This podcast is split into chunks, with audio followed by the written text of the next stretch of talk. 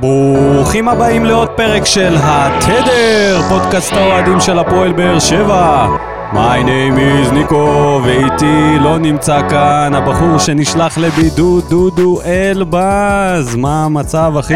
ערב טוב, ניקו, הישר מהבידוד. נחשפת. נחשפתי, כן. אנחנו פותחים עונה היום, עונת 2021, בפרק ראשון שהוא פרק הכנה, ונפתח אותו בזה שנחגוג ונספר למאזינים שלנו שחצינו את רף האלפיים עוקבים בפייסבוק. אז תודה רבה לכל ה... עולה. כל העוקבים החדשים שהצטרפו, ברוכים הבאים. אה, ותמשיכו לה- להפיץ לבין אנשים אה, טובים אחרים שיבואו ויצטרפו לקהילה שלנו.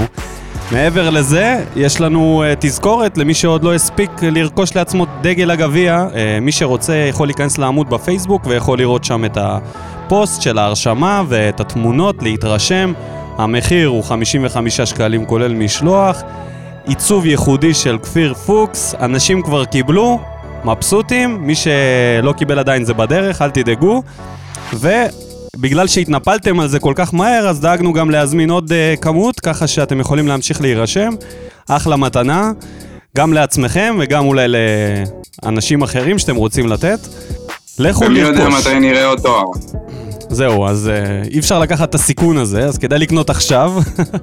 יכול להיות שלא יהיה עוד uh, חגיגות תארים כאלה כמו, כמו הדגל הזה. אנחנו מתחילים את זה, את העונה הזאת, כבר בשני משחקים שהם מלחמה על תואר. ועוד נגד מי? נגד היריבה המרה שלנו, זאת שהרסנו לה את הסטטיסטיקה של השנה שעברה, מכבי תל אביב, בשתי משחקים, שזה חידוש לעומת שנים קודמות, בית חוץ, אנחנו באים בלי צריך הזרים, לראות את בן ביטון דוהר דוהר נגדנו באגף. ואופיר דוד זאדה מעיף לשום מקום. ביטון ודוד זאדה, אוי ואבוי. זה בעיה שלהם. אגב, זה בעיה שלהם שהם אצלם, לא... בסדר, בואו לא נעשה ספוילרים, בואו ניתן את בדיחת השבוע, אני אתחיל בשלי. אז uh, מי שלא שמע, אני, אני מאוד... Uh, אני אופתע אם לא שמעתם את זה, אבל אני אספר את זה, מאור בוזגלו ויעקב, זהו, נפרדו דרכם. למאור בוזגלו יהיה סוכן יאללה. אחר, לא אבא שלו. ומה הכי מצחיק? שהבן. אדם מחליט לעשות את זה בגיל 30 פלוס, עם ארבע רצועות קורות, שהוא כבר בשילי הקריירה, ומודיע על זה שהוא רוצה לייצר איזושהי סביבה שונה ואחרת סביבו. אני לא הבנתי את הפואנטה של לעשות את זה עכשיו, אחרי, אחרי שהסתכסכת עם כל המועדונים בערך, בגלל אבא שלך, עכשיו אתה מחליט לזרוק אותו. עזוב, נו. איזה הזיה זה הבוזגלו. האלה. הם צריכים פשוט להישאר בכותרות כל הזמן, אין שום סיבה לדברים שנעשים, אתה יודע, זה, אין, לזה, אין לזה ערך מקצועי עכשיו בגיל 33 להחליף סוכן שאין לו קבוצה הרי עכשיו. כן, הוא פוטר מהפועל תל אביב. מאיפה, מה, בוא, בוא נהמר על המקום הבא שלו, אם כבר אה, העלינו אותו. בני סכנין. או, בני יהודה.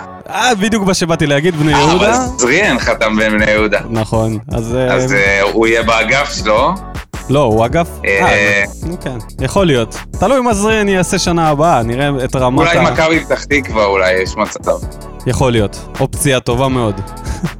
נראה מה הסוכן החדש יסדר לו, בוא נראה, בוא נראה. מה בדיחת השבוע שלך? שלי, לבן קוטליה, אני מקווה שאני אומר את השם שלו נכון. החלוץ הגיאורגי הבינלאומי אה. שהגיע להפועל תל אביב. למי זה ששכח. לא בדיחת השבוע, אבל זאת בהחלט בדיחת הפגרה. הבחור הזה יצא משה גרטל. איך, אני, אני יש לי חולשה לאנשים שלא יודעים לתפעל אה, רשתות חברתיות. כאלה נראים כאלה מבוגרים וקלאמזים. אתה יודע, בהתחלה עם אליה, עם כל הסטטוסים שהוא היה מעלה בפייסבוק, אבל זה שבר את שיא השיאים. הוא פשוט שיתף כל סטורי שש, ששיתפו את השם שלו. אה, אה, מהר מאוד אנשים עלו על זה שהוא עושה את זה, התחילו להפציץ אותו בשטויות. האמת שהכי אהבתי את ההוא שכתב לו, שהוא כתב, אני מקווה שהחצ'פורי הזה שחקן. מסכן הבן אדם, הטרילו אותו והוא נפל לזה, בת עמים. לא מכיר, לא. לא יודע לאן הוא הגיע, כהנא צדק, בית"ר, אה, יאללה, בית"ר. מוכר יונדאי גץ. טוב, נקווה איי, שהוא. יודע לשחק יותר טוב מ- מהתפעול רשתות חברתיות שלו. הוא בחור... כן, אה, לגמרי. טוב, אז נודיע ונכריז על זה שבעצם העונה הזאת אנחנו מפסיקים את השיתוף פעולה עם אנונימוס, ובהזדמנות זאת אנחנו רוצים להגיד תודה. תודה אישית לנעמי, שעשתה לנו את כל הגרפיקות במהלך השנה וחצי שאנחנו קיימים. אנחנו uh, יוצאים uh, לדרכים נפרדות, כי הם החליטו לפרוס כנפיים ולהמשיך הלאה בחייהם, וזה לגיטימי לחלוטין. אז תודה רבה על זה. החלפנו לוגו, חידשנו לוגו, תודה לכל המאזינים, קוקומבה, ומתחילים. אה, קוקומבה. Welcome to Maccabees Medical Mondays. Today it's all about this, the cucumber, or as they call it in Jamaica, cucumba. Cucumba. Cucumba. Cucumba. Vitamin, אז ברוכים השבים אלינו, פרק מספר 1 של עונת 2021, פותחים עשור, כאן בתדר, דודו, מה שלומך? איך אתה, אתה מתרגש? העונה בפתח? דיסקט. וואו, לגמרי, התחלה חדשה. בטח שאני מתרגש. התחלה חדשה, בעלים, אה, אה, בתקווה בעלים חדשים. ובעיקר... איצטדיון חדש. חדש. אה, שחקנים. וסגל אדום לבן. הרבה סגל שכמעט כולו נולד יליד סורוקה.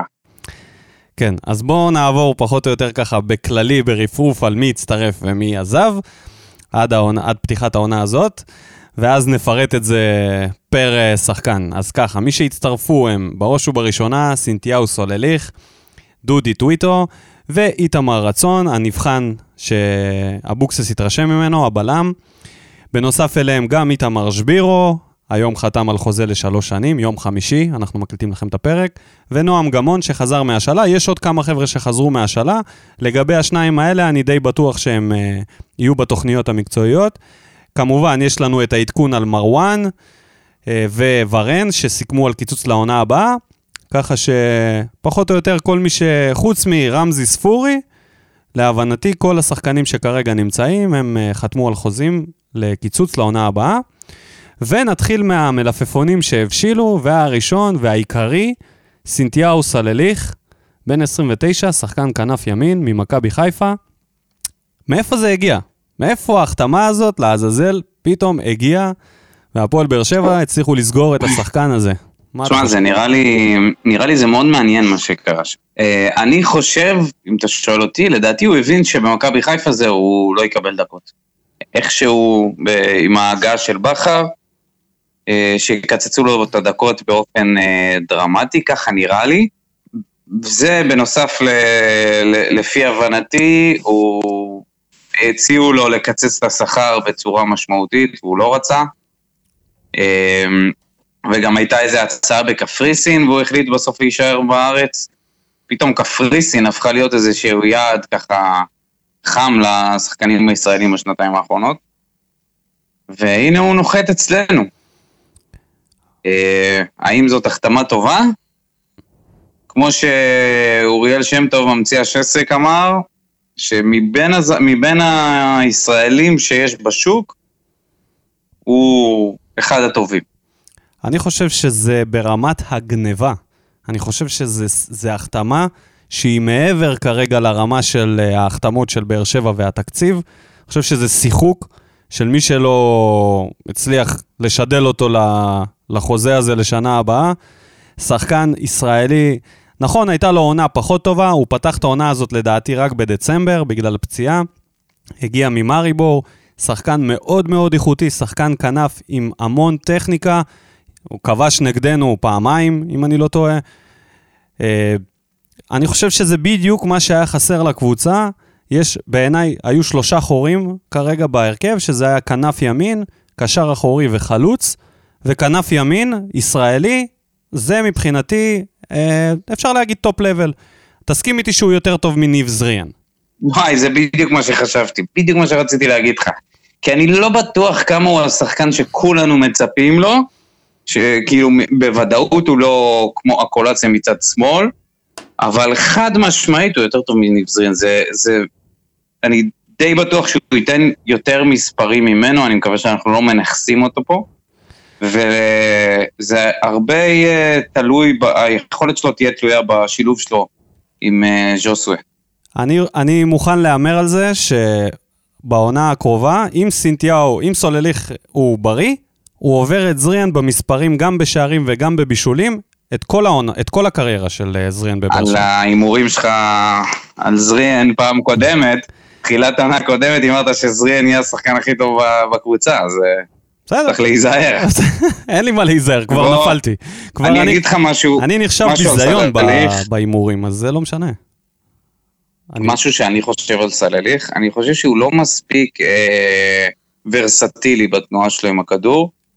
במכבי חיפה היה לו הרבה עיבודים במקומות שהוא לא היה צריך, נכון, אה, מרקו בלבו לפעמים שם אותו באמצע, זה ספוט שפחות מתאים לו. אה, אם הוא יהיה באגף ו- והוא ידע להתנהל נכון עם הכדור ולמסור כשצריך, כי גם לא, לדע... גם לא יש, אה, יש לפעמים איזושהי מחלה כזאת של להחזיק את הכדור יותר מדי. אה, בהתחשב בזה שהוא מחליף אה, את ניב זריאן סלאש רמזי ספורי בעמדה הזאת, אני חושב שאין לו שום בעיות. אם, אם כאילו אתה שם את זה על חשבון מי הוא הגיע. בכל מקרה, אני בעיניי זו החתמה מעולה. בנוסף לזה שיש את איתמר שבירו, למי שלא יודע הוא שחקן כנף ימין. כל הזמן מקטלגים אותו לחלוץ, אבל השחקן הוא, בטבעי שלו הוא כנף ימין, אז uh, אני חושב שהעמדה הזאת כרגע תפורה. מה ששנה שעברה יוספי היה צריך למלא את המקום הזה, וראינו שהוא לא שחקן כנף טבעי. עכשיו יש לנו שניים כאלה, בצד השני יש לנו את הקולאצה, וגל לוי שחוזר מהשאלה, שלא ציינתי אותו מקודם. אני חושב שבאזור של הכנפיים, שזה מקום מאוד מאוד רגיש מבחינת קבוצות בישראל, כי אתה יודע, כשאתה מול בונקרים אתה צריך לפתוח את המשחק, אז יש לנו שחקנים די טובים. בואו נתקדם הלאה לה, להחתמה השנייה. הבלם, איתי רצון, בן 22, מהפועל עכו. אה, מאוד הרשים לפי מה שאני מבין באימונים את יוסי ואת הצוות, החליטו להחתים אותו. אה, לפי הבנתי, היה עניין עם אה, עמית ביטון, שהיה אמור אה, אולי, אולי, אולי לצאת לחו"ל, ככל הנראה ללודוגורץ. ללודוגורץ, כן. ואז אה, כאילו איתי רצון היה המחליף שלו, ובמידה וזה לא, היה, לא יקרה, אז אה, הוא כנראה יושאל. לכאן או לכאן, בלמים זה מחסור, מצרך נדיר, ומחסור גדול מאוד יש בבלמים, אז אם הוא הרשים את יוסי, אתה מת על, ה... מעניין. אתה מת על הטביעת עין של יוסי. אני חולה על הטביעת העין של יוסי. על הסיפור יובל אשכנזי שלו, זה מדליק אותי כל פעם מחדש, אבל זה לא רק הוא, היו הרבה שחקנים שצמחו תחתיו. מצד שני, עמית ביטון גם שיחק תחתיו בבני יהודה. אז אני לא חושב שעמית ביטון היה בלם מוביל אצל יוסי בבני יהודה. לפי דעתי הוא היה בלם משלים כזה, אתה יודע, זה שוב, זה בני יהודה. מגוון הבלמים שם הוא אחר לגמרי, יש לך פה את לואייטה, יש לך את ויטור ושיר צדק. אני לא חושב שעמית ביטון בכלל מתקרב לרמה של שלושת אלה, ואם מצאו בחור צעיר שהוא ברמה גבוהה והכול, אני חושב שזה יכולה להיות תחרות. שהוא עוד יכול להתפתח, יש לו, יש לו את הזמן הזה להתפתח עכשיו. בסדר, גיל 22, צעיר. עמית ביטון בן 23, לא צריך לקבור אותו, 24, משהו לא. כזה. הוא גם יכול 24. להשתפר. הבעיה, הבעיה היחידה שיש לי אישית עם עמית ביטון זה אינטליגנציית המשחק שלו והאגרסיביות. אגרסיביות זה משהו שהוא פתיר ברמה, ברמה הפסיכולוגית, כי זה לדעתי יושב על איזשהו פחד, והעניין של האינטליגנציית משחק זה או עניין של ניסיון, שהוא ילמד לשחק את המשחק הזה יותר טוב, או שלא. ככה שפיזית, כן, הוא שם. יש לו נתונים מדהימים, אבל בלם שהוא לא אגרסיבי, שהוא לא קורא את המשחק טוב, זה, היה לנו. כבר כאלה, עודד גביש, פיזית, מטורף, היה לנו כל מיני בלמים טובים פיזית, אבל אתה רואה שזה לא מספיק, העניין של הפיזיות לבלמים. בכל מקרה, נעקוב אחרי ההתפתחויות, בינתיים עמית ביטון ראית שלנו. מה ב- בקבוצת אוהדים, דן ינקוביץ' העלה את הכתבה על, אה, על עמית ביטון, וכתב אה, על, על הכתבה של עמית ביטון שהוא מועמד ללודוגורץ, וכתב מה זה, 1 באפריל היום ולא אמרו לי?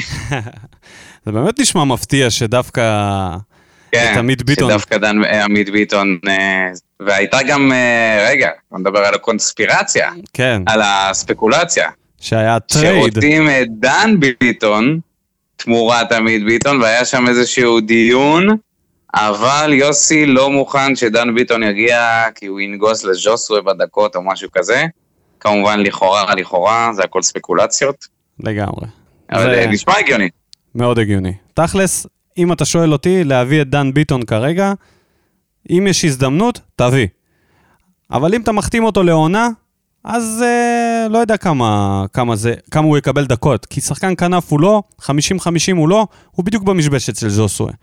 מה, מה, מה יקרה? הוא ישחק בימים שז'וסווה מורחק בגלל צהובים? אני לא יודע. מה זה בדיוק במשבצת? למה, הוא לא יכול לשחק עמדה ליד?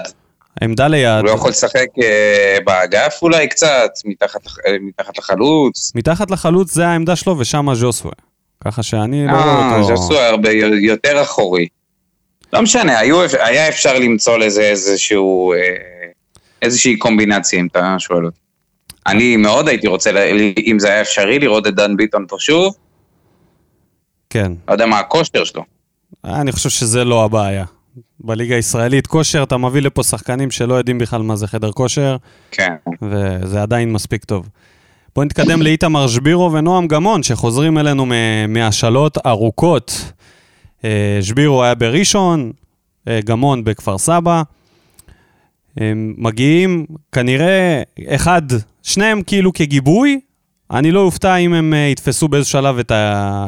את חולצת ההרכב, אבל כרגע, ברגע שבן ביטון לא נמצא, אור דדיה ונועם גמון מתחרים על עמדת המגן הימני. בגלל שראינו את אור דדיה יותר, אני מעדיף אותו, אבל אם גמון, אתה יודע, יפתיע ו... ויראה יכולות יותר טובות מדדיה, אז יש לנו שתי שחקני בית שמתחרים על אותה. עמדה. אה, קודם כל, שבירו, שמגיע לכאן עם איזה שהן ציפיות מהאוהדים. נתן עונה מצוינת בראשון לציון. שתי עונות, זה כבר עונה שנייה מצוינת כן, שהוא כן, נותן. העונה האחרונה שלו, היו לו גולים משוגעים. ושנה שעברה המספרת. המספרת, שנה שעברה. שכחת מהמספרת? כן, אז זה היה לפני שנתיים כבר, או השנה האחרונה. לא משנה, היו לו כמה, כמה שערים אה, באמת פנטסטיים מפריצות באגף, ואני חושב שיש ממנו איזושהי ציפייה דווקא לא להיות בקאפ. חושב שהוא מגיע סוג של אה, מהדלת הקדמית. עכשיו כשבן סער לא נמצא, אני לא יודע. ויש אותו ו... דלת קדמית של מי? יש- של מי? דלת קדמית של ה... כל שח... שחקן שחוזר לפה אחרי כמה שנים, אתה יודע, זה לא היה קורה בינינו, זה כנראה לא היה קורה אם אה, אלונה הייתה נשארת ולא היה תקציב אה, נמוך. דווקא אני בספק. לגבי זה. אני, כאילו, לדעתי, מהמושאלים שלנו שהיו בחוץ, שבירו עשה הכי הרבה רעש. יכול להיות, גולים. יכול להיות, אבל פה לא, נתנו, לא הייתה פה שום הזדמנות לשחקנים צעירים. גם דן ביטון שהיה, שיכל בשמחה להשתלב היום, אז אה, אה, עוד הראו לו את, את הדרך החוצה. להזכיר לך שאובן רדי, שחקנים שהיו פה, ואוגו לדוגמה, שוויתרו עליהם. תחשוב על איזה שחקנים ויתרו אז, לפני שנתיים, שלוש, שנה שעברה, ו... וברחה לי הפואנטה. הפואנטה הייתה שהיום זה היה פשוט בא כמו כפפה ליד, זה מה שניסיתי. היום, היום כל שחקן, הנה היום, גם דודי טוויטו, גם שחקנים שפשוט מגיעים, בעיקר בגלל אה, המצב של אה, הקורונה, קלפים עורבבו מחדש. אז בואו נעבור להחתמה האחרונה, שזה מאמן הכושר אודי בן שמחון, שהגיע מהפועל ראשון, גם יחד עם שבירו, חתם כמאמן הכושר, הש... כאילו, נראה לי, עוזר מאמן כושר, כמו שחזינו את זה בפרקים הקודמים. יש לנו עכשיו את מיכאל ברוש, ותחתיו יעבוד אודי, אז בהצלחה לאודי. אין לנו פה את הסטטיסטיקה. שלו. וגם דודי לו. טוויטו שלא דיברנו עליו. על דודי טוויטוס, כאילו דיברנו בפרק הקודם של הסיכום, כי הוא כבר, uh, הידיעה יצאה אז, אבל כן, זה כבר היה ברור, כרגע כבר היה ברור שהוא... כן. זה נראה שהוא וגולדברג על, בתחרות. אין, אין מגנים פותחים, לפחות עוד לא, או, אתה יודע, מה, מהמעט שראינו ואנחנו יכולים לשער, זה נראה כאילו העמדות המגנים פנויות לתחרות. נקווה מאוד שמשם לא תבוא, ה... לא תבוא הרעה. תקשיב, אנחנו הולכים על חבל דק פה. אה, ללכת על אה, שני מגנים אה, ימניים, שזה גמון ודדיה. בלי לזלזל חלילה בגמון ודדיה, אנחנו... יש לנו... זה לא שג'ורדי אלבה עזב עכשיו, אתה יודע. נגיע, נגיע אה, לשתי ביטון? שערים ו-11 בישולים בשבע שנים. נגיע. סבבה, בסדר, אני פחות מתרגש מהעניין הזה של הסטטיסטיקה, ראיתי את זה, אבל הוא, מבחינה הגנתית הוא תרם הרבה. אמנם לא, אולי לא בשנה השנה האחרונה, אבל אה, בשנים שהוא היה פה. אז אה. זאת ההזדמנות בדיוק לעשות את המעבר לשחקנים שעזבו. זאת ההזדמנות, כן, אבל אני אומר שזה מגיע גם מאגף שמאל שהוא... יש מצב שמערך שלושת הבלמים יתפוס חזק מאוד העונה הבאה. אני מקווה שלא נראה את זה יותר. באמת, אני באמת מקווה שזה זה כאילו, זה נכחד מהספרי ספרי טקטיקה של uh, יוסי. אז בוא נעבור לבן, לקפטן בדימוס, הבחור שאחראי על המשקוף בסנסירו, ואחד משני השערים שלו, אני זוכר, זה היה דרדלה. נגד הקריה. זה היה דרדלה. היה- לא, הגול הראשון שלו זה היה גול עם רגל שמאל מול בקריה, בעונת האליפות הראשונה. אז הובשל לשנתיים למכבי תל אביב. אגב, רגע, אנחנו צריכים קודם כל אה, גילוי נאות, יש אותו בדגל. יש את בן ביטון בדגל הגביע, והרבה אנשים התלוננו על זה. עכשיו, אני רק רוצה להבהיר לאותם אנשים שהתלוננו על זה, זה דגל שהוא גבי, זכיית גביע המדינה, מזכרת מכל האנשים שהשתתפו במשחק הזה והיו משמעותיים במרוץ הזה, והוא אחד מהם. לא רק זה, אני אוסיף לזה ואני אגיד שבשבע שנים שהוא היה פה, הוא היה נהדר. הוא היה מצוין, אפשר להגיד. לא לשכוח את מי הוא החליף. הוא החליף שחקנים כמו תורס, שאתם לא יודעים מי זה בכלל, הוא החליף את. אילוז, את אילוז שסירב לעזוב את הקבוצה עד שהחליטו בגיל 27 או 8 להפריש אותו. לא, מה אתה רציני?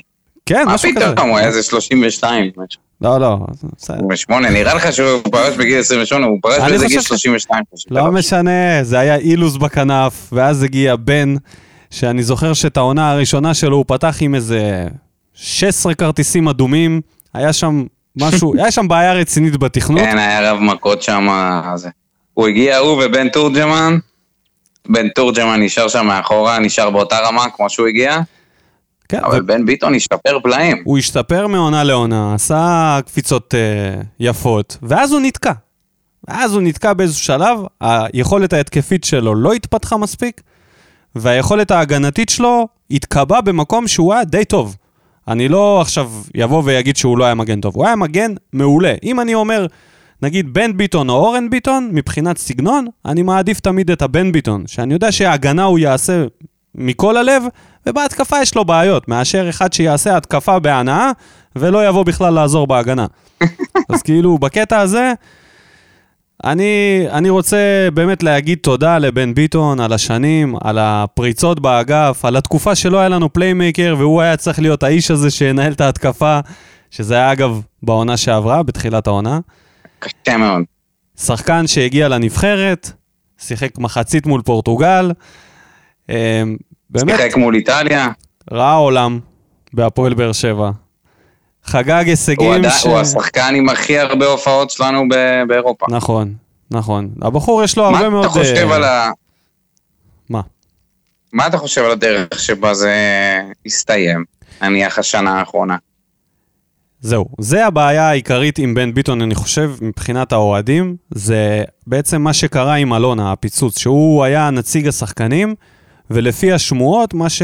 גם לפי הפוסט שהוא כתב בפרידה, הוא כתב שהוא נשלח לייצג את השחקנים, ואז קרה מה שקרה עם אלונה, שזה חירפן אותה, אנחנו לא יודעים מה נאמר בדיוק על ידי בן ביטון, אבל משהו שם קרה, וזה יצר את הפיצוץ הזה שאחר כך התפתח למשהו היום. Uh, תמיד הייתה לו בעיה uh, עם שופטים, עם אנשים, התגובות שלו הן קצת, אתה יודע. מהבטן, מהבטן. מאוד אימפולסיבי. אה, אני מקווה שאתה יודע, יהיה לו טוב במכבי. אני לא חושב שנראה אותו אי פעם, למרות שזאת השאלה. אני חושב שהוא סיים בבאר שבע. אה, אין לי בעיה עם זה שהוא עובר כן, זה למכבי מצחיק שהוא בכלל. מה? אין לך בעיה עם זה? אין לי עם זה שום בעיה, אני לא חושב שזה היה בכלל... זה לא משהו שאנחנו יכולים לבוא אליו בטענות. אנחנו מחליטים שהשחקן הזה יקר מדי, או שיש איתו עוד נושאים שהם בעייתיים, רוצים להשאיל אותו, מי ישלם את השכר שלו? כנראה מכבי חיפה לא. אני אגיד לך, הבעיה העיקרית עם הדבר הזה, שחוץ מלראות אותו בצהוב, שזה קצת, אתה יודע, זה עניין של אה, להתרגל, כמו שהתרגלנו לראות את דוד זאדה. אני לא יודע, זה... אני לא התרגלתי. לא התרגלת? ה- הקושי האמיתי פה זה בלקבל את האמת בפרצוף, שאנחנו... שאנחנו עושים מהלכים של אה, קבוצה שהולכת לשרוד כלכלית ותו לא. ולבוא ולתת את המגן הפותח שלנו לאלופה, אתה יודע, נגיד לפני שנתיים אין סיכוי שהיו עושים את זה. אין שום סיכוי שאלונה הייתה מוכרת איזשהו שחקן למכבי תל אביב, בטח לא מישהו, שחקן שפותח אצלנו, שלקח איתנו אה, השריד האחרון שלפני, של עידן אלישע. אבל אה, זה, זה קשה, זה קשה, והאוהדים מתקשים לקבל את זה שפתאום אה, בן ביטון קם בוקר אחד ומושל למכבי תל אביב. לא ואנחנו חושב. צריכים להתמודד עם ההבנה הזאת שוואלה, אנחנו, אנחנו... יש מצב ששחקן שייתן פה עכשיו חצי עונה טובה, עונה טובה, יגיע למכבי תל אביב, סגנון, אתה יודע, כמו אה, ברדה אז כשעזב להפועל תל אביב, למכבי חיפה, ואלעד בונפלד שעזב למכבי תל אביב, ובלסינג קקו אז באותו, בא- באותו זמן, בזמנים ההם שאתה יודע, היינו, היו לנו שחקנים טובים, היו עושים פה עונה טובה, ואז היו עפים לקבוצה אחרת טובה יותר ב- בישראל, יוסי בניון לדוגמה גם. אני מבין את החשש הזה, אבל אני לא חושב שאנחנו נמצאים באותו מקום כמו, ש... כמו שהיינו באותה... באותם שנים עם אלי זינו. אני חושב שבעשור האחרון עשינו קפיצת מדרגה ענקית מבחינת המותג שהוא הפועל באר שבע. הרחבנו, החזרנו המון אוהדים רדומים שהיו בבתים, ולדעתי, ה... מה שקורה כרגע זה שנת מעבר, זה לא שנת, אה, אתה יודע, פירוק. עובדתית, השחקנים הטובים ביותר מבחינת הזרים נשארו. מבחינת הישראלים, אני לא כואב לי על האבדה הזאת של בן ביטון. אני אתייחס לזה שאמרת שאלונה לא הייתה עושה את זה פעם, נכון, אבל פעם גם לא היה לך מגן ימני מחליף, שיש מצב שאם נעשה עכשיו סקר, בלי, בלי הידיעה שהוא עובר למכבי תל אביב בן, אני חושב שחצי חצי יצא פה, היא באזור ה-50-50 מבחינת, ביכולות. אני לא חושב שדדיה, חוץ מזה שהוא צעיר ממנו, חסר ניסיון, וכן, יכול להיות שם רמות התרגשות. תשמע, הבחור הזה גם נתן גול, גם uh, נתן בישול, גם נתן פריצות. אתה רואה ממנו פוטנציאל של שחקן, פיזית גם, הוא נראה הרבה יותר טוב מבן ביטון. אני לא חושב שבבאר שבע, בעידן הזה של הכסף הקטן, אנחנו יכולים להרשות לעצמנו להחזיק שחקנים כמו בן ביטון. משכורת גבוהה, שחקן עם תקרה די uh, נמוכה, תקרת יכולות, ובטח שאם הוא שבע ועוד uh, רוב החברים שלו כבר עזבו. אז לגבי זה אין לי שום בעיה. אם נניח רגע את בן ביטון בצד ונדבר על בן סער, פה זה סיפור אחר לגמרי. אני חושב שבן סער למשל, להבדיל מבן ביטון, זה אבדה אחרת לגמרי. זה, זה יותר משמעותי. גם הוא הרבה יותר מחובר לקבוצה. נכון, יש עליו אין סוף ביקורת על ההחמצות, על הכל, אבל וואלה, גם הדרך שבה הוא עזב, הוא עזב לשנתיים להשאלה, מה שהוא החליט להגיד אחר כך שזה רק זמני, אני מאמין לו, אני מאמין שאם אנחנו לא נהיה קבוצה בלאומית, הוא כן יחזור אלינו. ואני מאוד אוהב אותו, אני כועס עליו המון על החטאות, אבל אני מאוד אוהב את הבחור מבחינת האופי שלו, ו... וכל כן, מה שבא מסביב. קודם כל הוא התחבר באופן משמעותי, אם אנחנו נגיד עושים אה, השוואה בינו לבין ביטון, זה הרגיש שבן ביטון אף פעם לא היה מחובר לעיר, אני לא יודע, זה, כך, ככה זה נראה לי, זה, זה, זה מין תחושה כזאת שלי.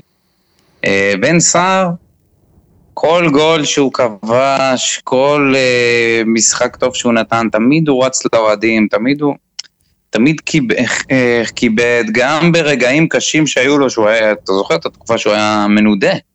הייתה את התקופה הזאת. היה, כל שנה אצלו התחילה עם עליות וירידות של הביאו את אנשלה. פקארט, הביאו את לוסיו, הביאו את uh, קריו, אלוהים ישמור, הביאו עוד כל מיני שחקנים, כל פעם ניסו להזיז אותו. הבן אדם, בקטע של המקצוענות, אין ולא, כאילו, טענה אחת כלפיו. בחור סופר מקצוען. וכן, נכון, הוא ביכולת, היכולת שלו בירידה, אבל אני מאחל לו את כל ההצלחה שאפשר לאחל לו בניקוסיה. לגמרי. אני מקווה שהוא יעשה... הוא השאיר קצת יותר אה, דלת, הדלת שלו קצת יותר פתוחה מהדלת של בן ביטון. למרות שבן ביטון רשם את המשפט המטופש הזה של אני לא סוגר דלתות. בסדר. אה, בסדר. לבן גם ביטון אריאל יש- הרוש לא סוגר דלתות, הוא כן. טורק אותם. לבן ביטון יש הרבה כבוד בהפועל באר שבע, אבל uh, כאבדה, כמדד לאיך המועדון מתנהל, אני לא יודע. אני גם לא חושב שאם בדדיה יהיה ממש טוב, בינואר יקנה אותו, uh, יקנו אותו במכבי חיפה או, או נשחרר אותו. אני חושב שבאר שבע כרגע מתנהלת עם איתי בן זאב ואסי, במובן של אנחנו נעביר שנה. ננסה להעביר את השנה הזאת עם מה שיש, ונקווה שיגיע איזה רוכש פוטנציאלי, אולי אלונה תתפכח, מי יודע מה יהיה. כרגע הם מנסים להעביר. כרגע הם מנסים כן. להעביר עונה. ורואים את זהו, זה לפי ההחתמות. זה עניין של זמן עכשיו. אה, ועוד משהו שמתחיל- שרציתי להגיד, זה ש... טוב, לא חשוב, דבר. ברגע שמתחילה העונה הזאת, שעון החול מתהפך. מעכשיו עד ינואר. יש לנו כמה חודשים להצליח למצוא בעלים. אם הם יצליחו למצוא בעלים בתקופה הזאת, אז שחקנים, השחקנים הבכירים לפחות, לא יחפשו לעזוב. מי אלה השחקנים הבכירים בעיניך, דודו? אם אנחנו מוציאים את אה, הזרים מהמשוואה. אה, דיברתי על הזרים. אה, אוקיי, בסדר. אז הבנו את ה- הבנו את הפואנטה. אין לנו כל כך שחקנים בכירים שאנחנו צריכים אבל גם, לפחד. השח... גם שחקנים צעירים שיכולים לתת עונה טובה. אני לא רואה את זה קורה, אני באמת לא רואה את זה קורה. ואם זה יקרה, אז אנחנו ניפגש פה באחד הפרקים ואנחנו נקטוש את ה... כן? אז אני. אני חושב ש... שככל שהזמן יעבור ולא לא יהיה לנו בעל בית חדש, ואתה יודע משהו, עם כל המצב של הקורונה וטרנר, אני בכלל לא יכול לראות את זה קורה בתקופה הקרובה. אה, מה אני אגיד לך, אני מקווה מאוד שכולם יישארו עד סוף העונה הזאת לפחות. אה, בוא נעבור לעוד שחקנים שעזבו אותנו. טוב, על בן סער דיברנו. אה, יש לנו את אורן ביטון, שחתם בביתר. כמה זה מפתיע אותך, דודו. אורן ביטון לא מצטרף. לחנן מזמן. אוהדי בית"ר, אוהדי בית"ר ירושלים אוהבים שחקנים שהם התקפיים. ולא עושים אותם, הגנה, אדישים. תשמע, הוא לא עושים וממן, הגנה, שעושים שכונה. לא יודע, לא יודע למה הם הביאו אותו. וממן ביחד, פשוט עברה השכונה לשם. וואי, לגמרי. ועוד אחד שהעביר שכונה זה ניב זריאן. חתם אצל אלישע. אה, זהו, אנחנו מסיימים לדבר על אורן ביטון? כאילו, אה, על אורן ביטון דיברנו איזה כמה דקות. מה מה יש להגיד טוב, על אורן ביטון, האמת, אורן ביטון, כל כך הרבה התלוננו עליו במהלך השנתיים האחרונות. בחצי שנה האחרונה זה פשוט היה בלתי נסבל. כל כך הרבה שערים על הראש שלו, שזה כבר היה ברור שהוא לא יישאר בעוד עונה. אה, אני מאחל לו שישפר, שיעבוד על הצד ההגנתי, או שפשוט יעבור תפקיד קדימה, כי אחרת, אה, אתה יודע, להגיע לביתר זה המקום, אה, נראה לי הכי גרוע שאתה יכול להגיע אליו. בתור שחקן שלא עושה הגנה כמו שצריך. זה כאילו הבעיה שלהם זה הגנה. והם מחתימים מגן שמאלי שלא עושה הגנה טוב. הימור שלי, הוא מהר מאוד הופך למגן מחליף, והגלגל מתחיל להסתובב מההתחלה. עוד פעם, הכניסה שלו להרכב, יציאה שלו מההרכב. אני לא באמת יודע מי... אני לא חושב שרוני לוי. יסבול את החורים שהוא עושה בהגנה בתור מאמן כזה דקדקן ואחד שדורש מהשחקנים, אה, אתה יודע, לפחות רצינות. אחי. רוני לוי מגיע לשם אה, כבר במשחק הכיסאות. עם הכיסא. מקום ראשון במשחק הכיסאות. אין לו... שם בבגז' כיסא מתקפל ונוסע לטדי. בסדר, בוא. טוב. ובואו בוא נאחל לאורן ביטון בהצלחה, באמת, שיצליח, ש... כן. הבא בתור, הבא בתור. לאולם הדיונים. הוא לא כתב, נכון? הוא לא כתב אה, שהוא משאיר את הדלת פתוחה. נראה לי שהוא הבין שאין דלת, יש שם קיר בטון, אין כניסה. אם החליטו להביא את טוויטו על הראש במקומו, אז זה אומר הכל, כאילו. שטוויטו כבר שכחו מקיומו, הוא כבר היה בפתח תקווה, יושב עם אה, אבי לוזון שם בארוחות שישי, ופתאום, אתה יודע, אמרו לאורן ביטון, מגן עתידי, שאמור היה להיות הדבר הבא. אני זוכר שהוא הגיע מקריית שמונה, זה היה מטורף. אורן ביטון בישל איזה 15 שערים באותה עונה. טירוף. וכעבור כמה שנים, כלום ושום דבר. ניב הרבה- זריאן של ההגנה. ואמרת ניב זריאן, הגענו, ניב זריאן. חתם בשכונת התקווה. משהו אחד כמה שלא... זה מפתיע. אתה יודע, נגיד לראות את בן ביטון בצהוב, היה לי קשה מאוד. לראות את ניב זריאן בכתום, זה היה הדבר הכי טבעי בעולם. אמרתי, בואנה, זה כאילו, זה, זה הוא, זה תפור עליו. משחק בבני יהודה, תחת אלישע, אולי ייתן איזה כמה גולים, יישב פה בתקווה עם, ה... עם המבוגרים. בתקווה, מי ישמע הוא יצא איזה... פה, משחקים יצא בבלומפילד. למרכז תל אביב. אה? הם משחקים בסדר, בבלומפילד. מתאמנים, מתאמנים בשכונה, אבל מה קרה? אחי. שכונת התקווה זה מקום שחי את ה... בקיצור, זה תפור עליו, הוא סוג של עמית זנתי כזה, רק מבוגר יותר ולא ממומש. אה, לא רואה אותו עושה איזשהו שינוי משמעותי בקריירה שלו פתאום. לדעתי, יבוא השלב שבו הוא יחזור לאשדוד, ויהפוך למין שלומי אזולאי כזה, כמו שיש להם. פוטנציאל לא מספיק טוב לקבוצת הלוואי, צמרת. שלומי אזולאי עוד... כן, הוא ייתן עוד איזה כמה עונות, ואני חושב שהוא יעשה כזה בני יהודה, סכנין, אשדוד, כאלה, אתה יודע, לאומית, נתניה, ליגה א'. לאט לאט. זה כבר מבוגר לאט יותר, לאט. כן. עוד משהו שאתה רוצה להוסיף? אה, רציתי להגיד על זריאן, שכשנפרדנו ממנו בפרק שבו הוא הפר בידוד והלך לחגוג, אז אה, שכחתי, שכחתי מזה. תשמע, ראיתי סרטון ביצועים שלו. מישהו ערך לו את הסרטון. אם אתה רואה את הסרטון, אם נגיד עכשיו אומרים לי מועמד שחקן כנף להפועל באר שבע, ומראים לי את הסרטון הזה של הביצועים של זריאן, הלסת שלי נופלת. אתה לא מבין, כל מהלך זה רונלדו. פיצוצים, טילים לחיבורים, עובר שחקנים. וזה פשוט השקר הגדול ביותר של השחקנים הכישרוניים האלה, בגרשיים. כי הם לוקחים, בעונה הם עושים שני מהלכים, שתיתן לו עוד 100 כאלה ברצף לעשות, הוא לא יצליח. ואז הם מכניסים את זה לסרטון מרוכז, וזה נראה פשוט מטורף. תקשיבו, מי שלא ראה את הסרטון של ניב זרין, אני ממליץ עכשיו ללכת ולחפש אותו. נו, כי כל הגולים שלו זה גולים שאתה... בא לך לראות את זה שוב ושוב, אבל זה, זה פשוט כמו ליקוי חמה, זה קורה פעם באיזה 500 שנה. ולשנייה. זה כאילו, אתה יודע, גול ושגר ושכח. מנצח את ביתר ויופי. הימור שלי, הוא מוצא את עצמו בעוד שנתיים בלאומית. ו... אני חושב שהוא עוד שנתיים מייחצן את החתול והכלב. אוקיי. יחד עם עובד, עם ראובן. ראובן עכשיו מייחצן דברים בתחנה ישנה, איזה... תגיד. בוא נעבור למלפפון האחרון שלנו, שנרקב ונזרק. והפעם זה, זה קצת כואב, לפחות לי ברמה האישית, לא שאני מכיר אותו, יש לי איתו איזה משהו, אבל זה היה, זאת הייתה הודעה קצת, קצת עצובה, שראיתי שעמרן אל-קרנאווי שוחרר סופית מהפועל באר שבע, והוא כתב פוסט, או לא יודע, הם שיתפו, או נראה לי וסרמיליה שיתפו כן, את כן, הוא הפוסט שלו. כתב, כן. שבאמת קשה, כאילו, כואב, מאוד כואב, מאוד כואב, ודווקא בתקופה הזאת, שאין לנו כסף, שאנחנו מחפשים, אתה יודע, בנרות איזשהו כישרון, אני לא מבין מה השתבש עם השחקן הזה, שהיה לו ברגליים דברים שבאמת לא נופל, לפחות לא מניב זרין. אוקיי? היה לו המון המון כישרון, התקופה הזאת שלו בעכו ב- לפני שנתיים, תחילת העונה, עד הפציעה שלו, נראה שחקן אחר לגמרי, הגיע לכפר קאסם שנה שעברה, חתם שם לעוד עונה, שוחרר מבאר שבע סופית. אני באמת לא מבין את זה. אני באמת לא מבין את זה עם המחסור שלנו ב- בשחקני כנף.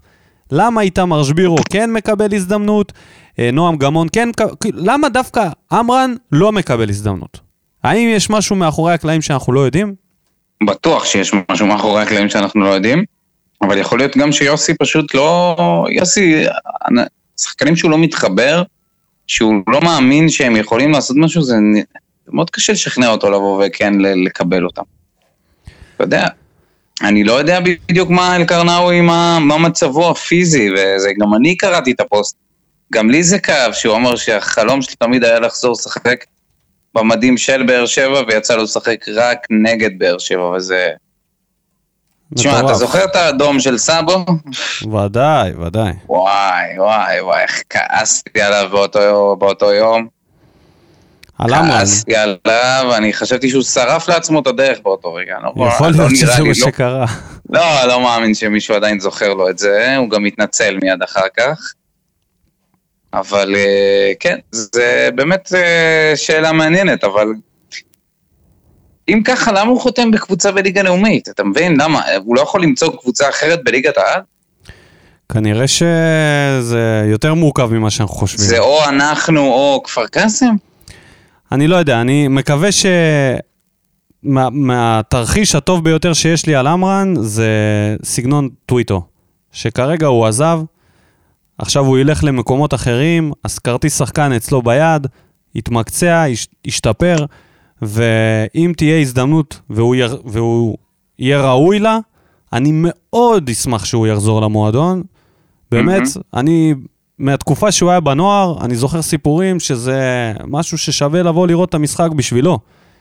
לא יודע, זה קצת תמוה בעיניי שהוא אפילו לא... יש הרבה שחקנים כאלה שבנוער הם אה, כובשים בצרורות, ואתה שומע עליהם כל כך הרבה דברים, ופתאום הם נעלמים ולא לא מצליחים... אה, אתה יודע, רוב השחקנים זה שחקנים כן. שלא מצליחים לעשות את המעבר הזה מהנוער לבוגרים. נכון. מאוד קשה, בטח בישראל. בואו נסיים עם הקוקומבה, ונתקדם למה בוער.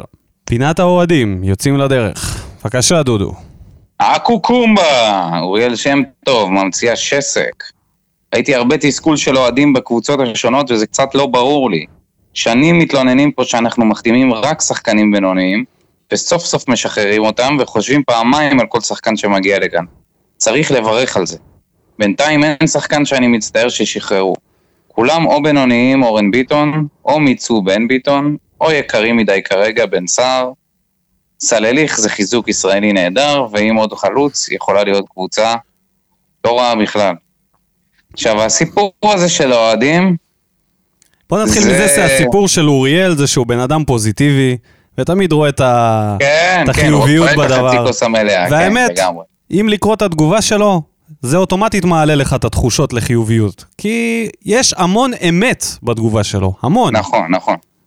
אנשים לא לוקחים את זה בפרופורציות הנכונות, גם, אתה יודע, נגיד כשבן סער עזב, פתאום אנשים כל כך כעסו, כל כך... אה, אה, אה, אתם לא מבינים מי עזב, הוא השחקן הכי טוב שלנו, זה, ו, ופתאום, זה פחד משינויים קוראים לזה, אני חושב שזה פחד משינויים. כן, לגמרי. זה אנשים שכל הזמן התלוננו עליו, או שחלקם התלוננו עליו, אולי חוץ משמעון זיו דרעי שהוא הסוכן שלו. ואז פתאום הם מתחילים לאכול סרטים, אה, הבאתם לנו שחקני נוער, הבאתם לנו שחקנים צעירים. חבר'ה, זה, מה, זה, זה, זה, חלק מה, זה חלק מהתהליך הזה של התחדשות הקבוצה, וכן, אנחנו לא בתקופה הכי טובה שיש לנו, ואנחנו לא בונים כנראה קבוצה לאליפות. אז אוריאל, אה, אנחנו איתך, תעדכן אותנו שהדגל מגיע, ועוברים הלאה, איתמר בוזו. בנוגע לשחרורים של הרבה שחקנים מהקבוצה, אחד, האם זה נראה כמו מכירת חיסול ועבדנו, או שזה תהליך טוב שיעזור לבנות קבוצה טובה יותר לעונה הבאה? שתיים, האם לשחרר ללא תמורה כדי לחסוך במשכורות זה הדרך הנכונה, או אולי היה עדיף לנסות למכור חלק מהשחקנים ולהחזיר קצת כסף לתקציב? לגבי שתיים, אני חושב שאם יכלו למכור, היו מוכרים, ואני חושב שהעניין של הזמן והחלון הקצר הזה לפני פתיחת העונה, זה גם טרף את הקלפים לחפש אה, קבוצה שתקנה שחקנים. לגבי אחד, זה לא נראה כמו מכירת חיסול, זה יותר נראה כמו לסדר את המדפים מחדש, בדיוק כמו שאוריאל אמר, זה חלק מהשחקנים, או מיצו, או הם בינוניים, או שהם יקרים מדי. אני חושב שאנחנו, אני חושב שאנחנו במקום טוב כרגע, לפחות לעונה הבאה מבחינת סגל, אין לי עם זה בעיה. נניח אם אתה עושה השוואה לסגל שפתח את העונה הקודמת. אה, להזכירך, לפני, אה, לפני שידענו מה הם שווים, כן? אז היה את השחקנים הרעבים. אתה זוכר את השחקנים אני, הרעבים? אני עכשיו חותם לך שהקבוצה הזאת היא יותר טובה, והיא מנצחת את הקבוצה של שנה שעברה בקלות. לא היה לנו וואלה. את ג'וסווה, לא היה לנו את אלטון הקולאצה, סולליך עוד ייתן את שלו, ויוספי לא היה יוספי של שנה שעברה, של הפלייאוף העליון, דדיה לא היה עדיין. אני, ההפסד היחיד, אני חושב שהעמדה היחידה שמנצחת uh, משנה שעברה להשנה זה uh, שמיר, שעזב, ומאז אנחנו מתקשים למצוא קשר אחורי. שטקוס. אז, uh, אני לא בוכה לגבי העניין הזה של שטקוס. שטקוס לא, זה... לא, לא עניין של בוכה, גם אני אוהב את לויטה, אבל שטקוס אוקיי, אתה יודע מה? סבבה. סבבה. מסכים. שטקוס ולויטה זה עוד עמדה שנחלשנו בה במעט. אני לא, לא הולך עם זה שנחלשנו בטירוף. אני חושב שהסגל הזה, בן סער, לדעתי, בן סער, זה בדיוק הזמן הנכון שלו יצא, לצאת להשאלה. וקייס גאנם, בוא נראה, עכשיו זה ההזדמנות שלו. וורן, אני פחות מאמין בו, אבל יהיה לו את ההזדמנות. שכחנו בקוקומבה לציין את זה שיש מועמדים. יש מועמדים אה, קולומביאנים, יש מועמדים ברזילאים. קיצור, כל מי שסוחר בסמים מועמד אלינו. אה, אם יביאו כן, חלוץ, אם יביאו חלוץ, אז כנראה גאנם ירד לספסל, אלא אם כן זה יהיה קריו פלופ כזה. ואני חושב שכרגע הדבר היחיד שאנחנו צריכים לה, להתמקד בו זה הקשר האחורי. והסגל שלנו הוא מעולה, יש לנו שחקנים צעירים, שחקני בית. אין לי שום בעיה עם הסגל של שנה הבאה, אני מאוד אופטימי, מאוד מאוד אופטימי. נעבור טוב. לאמירם. אמירם פלטין מהגולה, לא יוצא לי מהראש מאז שפרסמו את הסטטיסטיקה של בן ביטון. 186 הופעות, 11 בישולים. איך אנשים בקהל בוכים עליו, הוא תרם לנו 0.006 בישולים למשחק. רואים שהוא גר בגרמניה, בחור אה, דייקן. אוהב, אוהב את ה data, כן, data analytics. אני, אני איתו. אה, אני, אני אגיד לך שאני פחות. מ... פחות, פחות אה, חושב שזה היה רלוונטי, כי בעונות לא דני אלווס, לא דני אלווס. לא, לא היה צריך שהוא יהיה בדני אלווס, הוא היה מתפקד מצוין עם בוזגלו, היה מתפקד מצוין עם מליקסון. נכון, אה, שיש לך כזה כמו- הבישולים לא היו מגיעים ממנו, ו... אבל אם תשים לב לכל מיני תקצירים, תסתכל לכל מיני גולים, הוא היה מעורב, נכון שהוא לא בישל בעצמו, אבל הוא היה מעורב בהם. ומבחינה הגנתית הוא היה, היה המגן הכי טוב בליגה באותה תקופה לדעתי, יחד עם, אולי עם אלי דסה ביחד. זהו, אני חושב שבאמת העניין של האנשים זה העניין ההגנתי. הם כועסים על זה שהוא פשוט היה מגן טוב. הקטע ההתקפי נעלם בגלל שכמו שאמרת, היה שם בוזגלו, היה שם מליקסון, זה שחקנים, מבחינת הישראלים, הכי איכותיים. בסדר, אפשר להכניס את בוזגלו ומליקסון לאותם uh, ספרים של חיים רביבו ואייל ברקוביץ' בעיניי. אני חושב שמבחינת כישרון הם לא נופלים מאף שחקן ישראלי בהיסטוריה. אז כשיש לך כזה יכולת של או בוזי שיכול לשים לך כדור בכל מקום במגרש, או לתת פצצה לשער, או מאור שיכול לעבור כל אחד, לעשות כל מהלך שרונלדיניו אי פעם צולם עושה, אה, אז, אז, אז בן ביטון יכול להתחבא מאחורי זה. ברגע שיצא לנו... ה- נכון, מה זה להתחבר? הוא לא היה צריך לעשות את זה, הוא היה צריך לשמור על המקום שלו בהגנה ולשמור אה, על האגף, שלא, שלא נכון, יתקפו אבל ממנו. ולא הכדורגל שלא גם. מתפתח, הכדורגל מתפתח, שחקנים עוזבים. ו- נכון, אבל ברגע ש... בסדר, סבבה, הבנת. בוא נגיד הוא לא ככה, אם דדיה נותן לך שלושה שערים שנה הבאה, אתה כבר תרגיש את ההבדל ההתקפי בינו לבין ביטון. זה הכל. זה הכל. המספרים של המגנים היום הם כן חשובים בכדורגל המודרני. נכון, אבל גם, ה- גם בפן ההגנתי חשוב שדדיה כן. ידע לשמור טוב. נכון, אפשר להגיד את בעיה. זה מקף אורן ביטון שעשה את ההפך מבן ביטון, וגם נזרק. כן. אז זה לא משנה. היום צריך להיות שחקן, מגן צריך לדעת לעשות התקפה והגנה. אגב, משהו מעניין שאורי אוזן אמר בזמנו, כשהוא שיחק, אז את השחקנים הכי גרועים היו שמים מגן. כי מגנים היו, אם היית גבוה, היית בלם, או קשר. אם היית מהיר, טכני וזה, היית קשר, אה, קשר כנף או חלוץ. ואם אתה כזה בין לבין לא יודע לעשות כלום, אז היית מגן. ואני לא אזכיר את זה שדודו, גם אתה היית מגן באותם שנים. אבל אה, היום מגן זה לגמרי חיה אחרת. הייתי מגן אצל מאיר בוסקילה. בדיוק. אז היום מגנים, כולנו יודעים מה פפ עשה בסיטי, מה קלופ עושה בליברפול. מגנים זה שחקנים שאתה יכול ליפול ואתה יכול לבנות עליהם את ההצלחה שלך, אם הם טובים, בשתי הצדדים. זה הכל. בואו נמשיך. ניב נאסי כותב לנו, האם אתם חושבים שאצילי ומיכה יש מקום בקבוצה שלנו? אני חושב שלא, למרות שהם שחקנים מצוינים, הם, הם אנשים חרא. לתגובתך, אה, אה. נושא בוער מאוד. זה, זה, אתה יודע, באופן כללי יותר, בוא נגיד על העניין הזה של האוהדים שמציעים להחתים שחקנים. נגיד מיכה ואצילי, ראיתי איזה 600 בערך תגובות של אנשים שרוצים להחתים אותם. לא יודע אם הם חרא של אנשים, הם פשוט עשו דברים שהם... אה, מבחינתי זה, אני לא הייתי רוצה לראות אה, שחקנים כאלה בקבוצה שלי, אני חושב שזה לא מוסרי בכלל. אה, עזוב את הפן הפלילי, אני בכלל לא, לא מדבר עליו. וזהו, אני פחות הייתי רוצה לראות אותם, ואני ככה חושב שה... שהמגיבים האלה שכותבים את זה, הם צריכים לחשוב קצת, קצת יותר על, ה... הם על צריכים לדמיין שם. שיש להם אחות, או ילדה, תלוי בני אה, כמה יש הם. כאלה שיש להם גם אחות, שבאו שתי שחקנים. הם אומרים שזה לא היה קורה להם, לא, זה הבנות, זה זה. תחת לא שלי, עזוב אותך, כשזה לא נוגע בך, קל לשפוט מהצד. אבל אה, נכון, דעתי, שזה לא נוגע.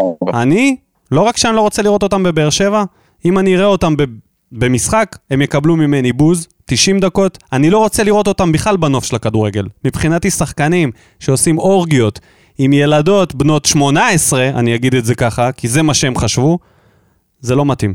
לא, זה לא ספורטאים שאני רוצה שיהיו בבאר שבע ו- ו- ויחנכו שחקנים כמו יוספי ודדיות וכל מיני חבר'ה צעירים ויבואו וישפיעו עליהם. אני לא צריך שהם ייקחו אותם לאורגיות לאילת וכאלה. זה בסדר, עשיתם את שלכם, תודה ולהתראות, ואני בטוח שהם... נעשה, בוא נעשה את המצעד, מצעד ההצעות הכי ווירדוז של, אה, בקבוצה, שהיו בקבוצת אוהדים. מקום ראשון לדעתי, מישהו הציע את ערן לוי. להחזיר אותו להפועל באר שבע, ראית את זה? לא, העלה תמונה שלו ואמר, תמונה שלו עם, אה, אתה יודע, עם החולצה עוד של קריסטל אז בזמנו. תשמע, זה בן אדם... יאללה, למה לא להחזיר את זה בן אדם? שנכנס לקיוסק לקנות סיגריות, דופק את המשפט הזה למוכר והולך הביתה, אחי. אין לו אפס אפס אחריות ומחשבה מאחורי זה. וואלה, מה, מה, הוא יודע לבעוט טוב, הוא יש לו רגל טוב. יאללה. כן, הוא מתאים בול, הוא מתאים בול, כן. הוא וז'וסו ביחד, ואז... וואלה. טוב, היה את דן רימון, דן רימון שהציע את מאור בוזגלו להחזיר. אוקיי. האיש שנטש את, אה, את הסוכן שלו. תשמע, אם לא סלליך, ואנחנו תקועים בלי קשר ימין, אני לא... לא, מה אתה רציני, מה פתאום? לא יודע, לא יודע, אני אוהב אותו. אני, אני, יש לי אליו משהו עזוב אוהב אותו, זה לא קשור, מבחינה מקצועית אני לא חושב שהוא יכול לתרום לנו מספיק. מהספסל? עוד מה שהוא זה בערך. מהספסל? בשביל זה אתה תביא אבל, אותו? אבל מהספסל יעקב לא נמצא עכשיו, אפשר לשים אותו אה, בספסל. מה זה משנה? למה הוא לא. מצייץ? מי מצייץ לו בטוויטר? אבא שלו? לא, האמת שהוא כבר הגיע לרמה אחרת של uh, חיים. הוא כבר חי בתוכנית ריאליטי, זה אה, קצת מה פחות... אתה אומר? אה, כן. אבל נו, כן- תוכנית ריאליטי, זה בדיוק תשמע, הדברים אני אגיד לך את האלה. האמת, להבדיל ממיכה ואצילי, שמקודם העלו את השמות שלהם, מאור בוזגלו זה ספורטאי 10 רמות מעליהם. 10, 20 רמות מעליהם. גם בדרך שהוא מתאושש מהפציעות, גם בדרך שהוא חוזר. נכון, יש את כל הטררם מסביב, אבל כל האנשים שפגשו אותו ואת אשתו בתקופה שהוא היה בבאר שבע, ונפגשו איתם אחד על אחד, מדברים על בן אדם תמיד פתוח, מזמין, לא... אין לו אגו, אני לא יודע, אני חושב שהפספוס, אחד הפספוסים הכי גדולים בכדורגל הישראלי זה הוא, וזה בעיקר בגלל אבא שלו, וזה מצחיק שהם החליטו להיפרד עכשיו. כן. בוא, בוא נעבור ליונתן רגע. קלצמן. רגע, רגע, עוד שנייה, עוד שנייה, עוד שנייה, תן לי רק עוד אנשים שהציעו. אופואדו, מישהו פה הציע את אופואדו, מיכה ואצילי. אה, אוקיי. גם uh, יני וטיבי ו- וג'רלדש. אני זוכר שהציעו בזמנו את אלישע, כשלבכר לא הלך. אז כאילו... עזוב, מה אתה הצעות בזה? יש אנשים מצחיק. הזויים בכל מקום. כיף לראות את זה, הנה אני רואה את הזה של דן רימון. טוב, יונתן קלצמן כותב, אחד, מחתימים שחקנים לעונה אחת, אין אופק למועדון, חושבים רק על הישרדות העונה הקרובה, סלליך וז'וסוי וטוויטו ועוד כמה חתום, חתומים ל- רק לעונה, בינואר יכולים לנהל משא ומתן עם כל מועדון. בסדר. מה שאתה אמרת, אה? אני לא מאמין בזה, אני לא חושב ש... אנחנו... אני חושב שזה עונת מעבר, לא עונת הישרדות. שתיים, אין בית, אין גג. מחדל ענק של העירייה, הקבלן וחברה... והחברה המנהלת. כן, יש לנו את הנושא הזה בהמשך, את עניין הגג של טרנר והתמונות שהתפרסמו, נתייחס לזה בהמשך. שלוש, קלצמן כותב לנו, למה הולכים לשחק בטדי ולא בי"א? גם ככה אין קהל, כל, כל משחק עכשיו נסיעה של שעה וחצי לכל כיוון. אז קודם מה- כל, מה זה משנה? קודם כל שעה וחצי זה כבר לא, מאז שיש מחלפים. כן, אה, ודברים- קלצמן, מתי נסעת לירושלים פעם? הוא באוטובוסים זה אולי לא שהם מתכוון. נוסעים אה, עם כל הפקקים של... דברים... אני אגיד לך משהו על זה. אני מעדיף שזה יהיה בטדי כל עוד אין קהל. כי השידור מי"א- מהי"א, עזוב את זה שיש לך כל מיני. אנשים מוזרים על הגגות שמשדרים לך כמו הבן של שיה, אה, השידור הוא מזעזע. הוא- אתה, אתה, כמו לראות משחק קט רגל, אתה רואה את ה... באמצע המגרש, שהמצלמה יורדת מ- מזווית כזאת חדה מלמעלה למטה, אתה לא מצליח להבין מי נגד מי זה. אני אלך קצת יותר. אה, קצת יותר רציונלי, לדעתי החישוב הוא פה אה, קשור לאוהדים. אני חושב שהמועדון לא יכול לקחת בחשבון את זה שלא יהיו אוהדים שנה הבאה. אנחנו לא יודעים מה יהיה עם הקורונה ומה יהיה עם ההנחיות, אבל מבחינת באר שבע, הם לא יכולים לקחת את הי"א ולהמר על זה שיום אחד הקורונה תיגמר, ובום, יש לך 3,000 מנויים, כי זה מה שהאיצטדיון יכול להכיל. אני חושב שבחירה בטדי, חלק מהסיבות זה בעצם גודל האיצטדיון, שבו אנחנו גם לא יודעים מה יהיה עם טרנר ומתי זה ייגמר העסק הזה. אז יכול להיות שהכוונה הייתה למכור מנויים לטדי, ואז במידת היכולת להעביר אותם לטרנר. זאת הסיבה האמיתית לדעתי, העניין של כמות. והמרחק זה בעיה, כן, אם היה קבוצה, אם היה נגיד לאשקלון או לאשדוד, מגרשים שהם, אתה יודע, ברמה גבוהה, עם לפחות עשרת אלפים צופים, אני חושב שהיו הולכים על זה. אה, ארבע. אלוף האלופים בשבת עולים בהרכב ללא זרים, ללא משחק הכנה בכלל. נכון, אבל יש משחק אה, שני. אם לא נפסיד אה, 3-4-0, אז אה, ג- יש את המשחק... מה אתה רציני, אחי? זה מזעזע הדבר הזה, שאפילו שאנחנו... קודם כל, זה שיש שני משחקים. למה אלוף האלופים צריכים שני משחקים? למה זה כל הזמן משתנה, למען השם? למה? היה 90 דקות, 90 דקות עם פנדלים. למה היו צריכים לא יודע. לעשות את השינוי המטופש הזה של המשחק החסר ערך הזה?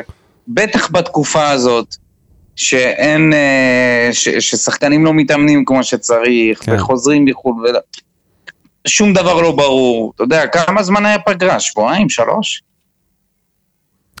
זה העניין, אני חושב שהפגרה הייתה כל כך מעט זמן, ש... אני לא יודע מה השתנה כל כך, זה לא שהתווספו... זה לא שהיה באיזה מהפכה בסגל. בסופו של דבר, אז היה, אחי, אין, לא לא היה שום צורך קבוצה- לבוא ולעשות את זה בשני משחקים. אנחנו נראה קבוצה ביום וזה שבת, זה- ששיחקו זה גם ביחד. מראה כמה אנחנו... זה מראה כמה אנחנו...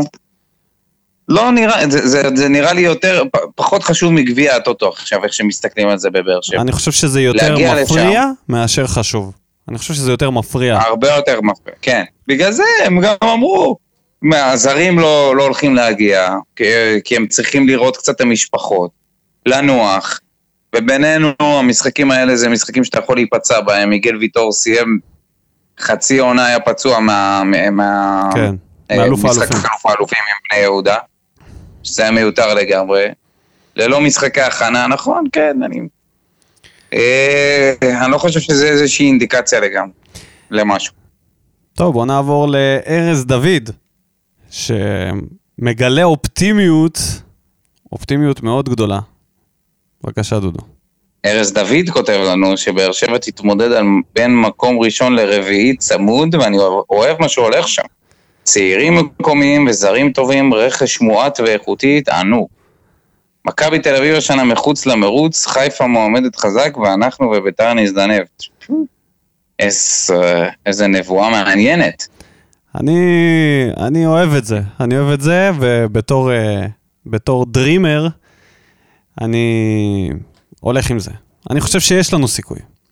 אני חושב שיש לנו סיכוי, סבבה? אם לא יהיה קבוצה שתרוץ בצורה, אה, אתה יודע, חסרת תקדים, כמו מכבי, ללא גול, ללא הפסד, וכזה מין איזה עונה פסיכית, אני חושב שההרכב הפותח שלנו לא נופל מהקבוצות הגדולות. כן, יכול להיות שהמגנים שלנו כרגע זה כרגע עמדה בעייתית, אבל אנחנו עוד לא יודעים מה הרמה שלהם, הם עדיין לא קיבלו הזדמנות. ואם נביא, בהנחה שיבוא קשר אחורי, ואולי, אולי, חלוץ אפילו זה פחות חשוב לי מאשר קשר אחורי כרגע, אני חושב שאנחנו שם לגמרי. אני לא חושב שבליגה הזאת, בטח ביתר, כשאנחנו יודעים מי משחק שם, אנחנו נותנים להם את השחקנים. אני לא חושב שהם יותר טובים מאיתנו. רומן שולגה, הבחור שזכה בדגל, שגר בתאילנד ונשלח אליו, אנחנו מקווים שזה הגיע אליך, תעדכן אותנו, כותב, כיף לדעת שיש לנו סוף סוף קבוצת בת, שאפשר לקחת משם מי שאנחנו רוצים. תודה לך בית"ר שהפכת פח לזרוק שם את הזבל, עכשיו קחו את פשחצקי ונדבר איתכם בינואר. זה יודע, קטע עם הפשיט את בית"ר. ה- הפשיט את המצב איך ש... כן, זה הקטע עם בית"ר, עם חוגג שלוקח את ה... זה את כל ה... חוגג עכשיו זה, ב... הוא עובר טרנספורמציה כמו אלונה. כרגע הוא קונה, מעמיס, מעמיס, אחר כך הוא יקבל שכל, יבין שהוא מעמיס סתם, יתחיל לזרוק, עד שהוא יצליח להביא שחקנים באמת באמת איכותיים. חושב שגם אורן ביטון וגם ממן זה להחליש את הקבוצה. בטח, אתה יודע, בסדר גודל של אליפות, זה לא הכיוון. שלומי שללוז! יש לכם אולי מושג מה הולך להיות עם מנויים בעונה הבאה? גם הקורונה וגם זה שאנחנו לא משחקים בטרנר, איך זה ישפיע על מחירי, המנויים והאם ימכרו מנויים בכלל. זה נורא מעניין לדעת. שאלה קשה. לדעתי, לדעתי, אה, אני לא חושב שבונים כרגע על מכירת מנויים, לפחות כן. עד איזשהו שלב מסוים אה, במהלך העונה. אני חושב אה, שאולי גם אם יאשרו נגיד איקס קהל, נגיד 5,000, או לא יודע מה, 20 אחוז מה... 5,000. אני אומר, שום 20, סיכוי שיהיו 20 אחוז 5,000 עכשיו. מהתפוסה של היציאה, בהנחה שיהיה איזושהי, איזשהו מתווה, אני חושב שמבחינת המועדונים יהיה יותר חכם למכור את זה ככרטיסים, עד שיגיע בו שלב שהם יוכלו למכור מינויים. כי מי יקנה עכשיו מנוי כשהוא יודע שלא בטוח שהוא ייכנס לאצטדיון? לא, עכשיו אף אחד לא, אנשים לא יקנו, אנשים יקנו רק כדי להחזיק את המועדון, רק... אה, כן, אני חושב, שזה לא יקרה. אני חושב שאם המועדון היה, יכל לעשות איזה, איזה משהו עם צ'רלטון, אה, נניח שאתה קונה את המנוי ואתה מקבל אה, אה, חינם את, ה, את הצפייה בערוץ, נניח. נניח, ואם אין לך בבית. טלוויזיה, אין, אין לך, זה בעיה. אז... אגב. משהו של ידע כללי. מזל טוב ל-NBA שחזר, חזרו המשחקים בדיסני, באורלנדו, ואיך אני אוהב את ה-NBA? אין, אין, זה באמת, כשאתה רוצה להסתכל על מוצר top level מבחינת ספורט, כדאי לאנשים להסתכל על ה-NBA. כאילו היו כל כך הרבה מחשבות וניסיונות איך לעשות, מה לעשות עם זה, עם הקהל באירופה, בכדורגל, ואתה יודע, שמו קרטונים עם התמונות של האוהדים שאמורים להיות שם, מה לא ניסו? באו ה-NBA, אמרו, מה הבעיה? שמו מסכים לאורך כל המגרש, מסכים בגובה של איזה 2, 2, 3 מטר, ומלא מלא קוביות של אנשים שהם נרשמו לצפייה במשחק, דרך זום נניח, אני לא יודע איזה אפליקציה, אבל משהו סגנון זום, והם מופיעים על ה... הם כאילו צופים בטלוויזיה ושמים את הטלפון אה, לשידור, ואז הם מופיעים, מופיעים פשוט מסביב לאצטדיון בקוביות קבועות, וזה כמו... כן, ראיתי את זה. מעודדים, את זה. ואחרי... תשמע, זה, זה... אמנם זה נראה כמו מראה שחורה ואחד הפרקים, ה, אתה יודע, שמראים לנו את העתיד, אבל בסיטואציה היום זה מדהים. היה שם משחק כן. של הלייקרס, שמי שיודע מי זה ליל ויין, ישב, ואתה יודע, הוא פשוט צופה בזה, ואתה רואה את התגובות שלו, וזה נותן איזושהי תחושה של אוהדים במגרש. זה לא יושב קרטון, ומעשן שם ג'וינט. אני מקווה. טוב, נעבור לדניאל שטיימן. חייל של יוסי! קודם כל, לא משנה איזה שחקן עולה למגרש, הדבר החשוב שיוסי אבוקסיס עולה למגרש. ועכשיו נדבר על שחקן-שחקן. ההרכב של דניאל שטיימן לעונה הבאה. לויטה, מגן ימני דדיה, מגן שמאלי, הוא מקווה לטוויטו. בלמים, ויטור, טאה או צדק, לא אכפת לו. הארנבת, כי הוא טוען שזה שחקן של מאמן. יוספי, ז'וסווה, אקולצה, סלליך וגאנם או שבירו. הרכב מצוין שיכול להתמודד על 1-3, חייב רכש זר, קשר אחורי וחלוץ. לגבי טרנר, אין מצב שיורידו את הגג ולא יחזירו, אין שום בעיה לחכות שנה, רק שיהיה לנו גג מסודר. בעניין הנוער, העונה חייבים להפיק עוד שחקן לפחות שייכנס להרכב, הזדמנות לבנות הרכב שיהפוך לבסיס חזק לשנים הבאות. אז אני חושב שהוא אמר את מה שאני אומר, דניאל. צריך קשר אחורי, ואם יש אפשרות להביא גם חלוץ, מה טוב. אני רואה פה הרבה אופטימיות בתגובות במבויר. למה לא? למה לא. לא? לא, לא, מצוין, אה, זה נהדר, אבל אני חושב שכל הסיפור של טרנר זה הרבה יותר מדאיג מכל דבר שאנחנו חווים כרגע עם הקבוצה.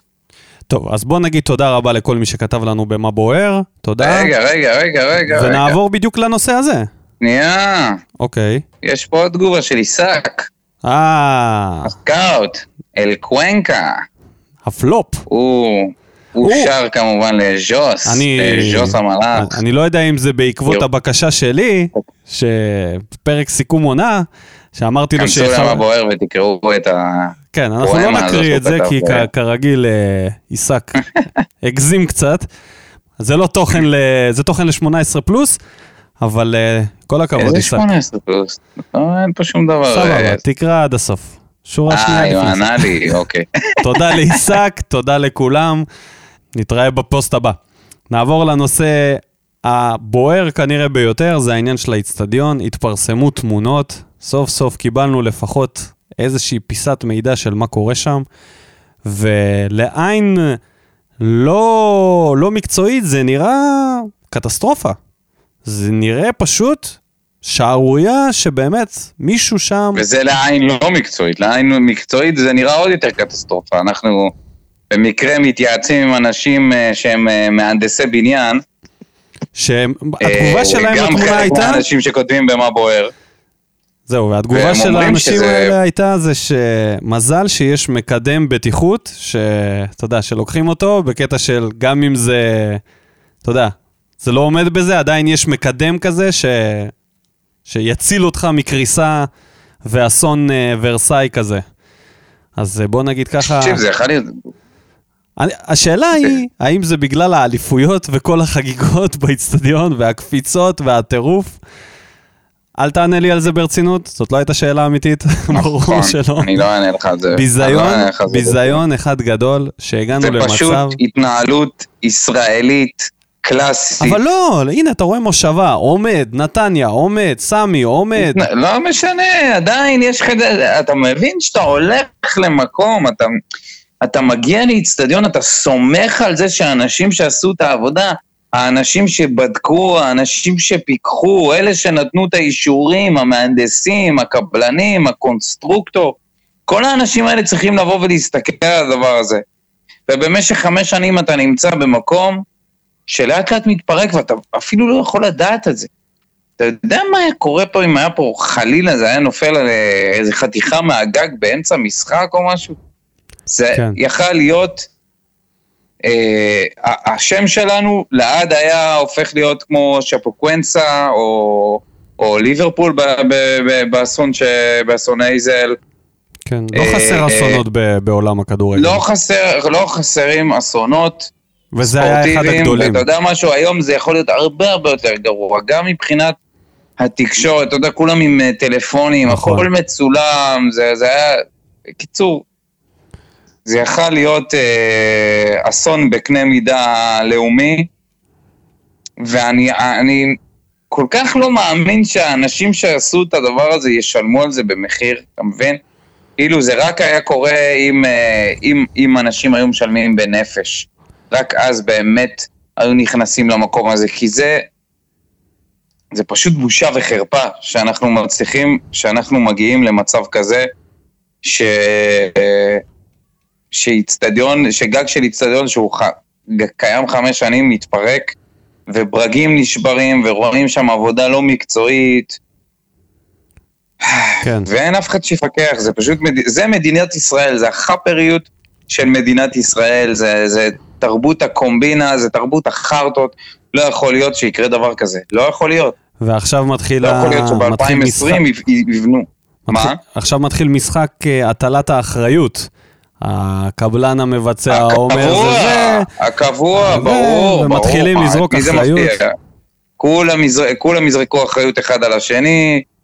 בסופו של דבר זה איזושהי תרבות ישראלית, תרבות הקומבינה, הטיוח, אה, עיגול פינות, ובסופו של דבר זה יכול לעלות בחיי אדם. והנה, לנו, למזלנו הרב, זה לא עלה בחיי אדם, אבל זה יעלה בכסף רב למועדון, ו- ו- ובזה שאנחנו נהיה לפחות בחצי שנה, אני מאמין, שנה הקרובה, בלי בית, בלי זה- גג. זה באמת אה, ללשכת העבודה לשלוח את האחראים על זה, גם את מהנדסי הבטיחות וגם מי שעשה ביקורות שנתיות. לא יכול להיות שאנחנו העבודה, זה מגלים... אנשים שצריך, אנשים שצריך לקחת להם את ה... לא, לא, זה אנשים את- שצריכים את לשבת התעודות בכלא. ואת התארים. זה אנשים שצריכים לשבת אלה בכלא. אנשים, כן, אלה בכלא, אנשים שצריכים בכלא, לשבת בכלא בכלא, על רשלנות. כי אם לא במקרה זה נחשף, מתישהו משהו נופל, ולא צריך ליפול גג, מספיק שקורת מתכת נופלת על uh, מקבץ אוהדים, יהיה לך שם עשרות הרוגים מקורה אחת. אני לא מדבר על זה שאם נכון. גג קורס ויש לך 5,000 הרוגים. מתי ראית 5,000 הרוגים?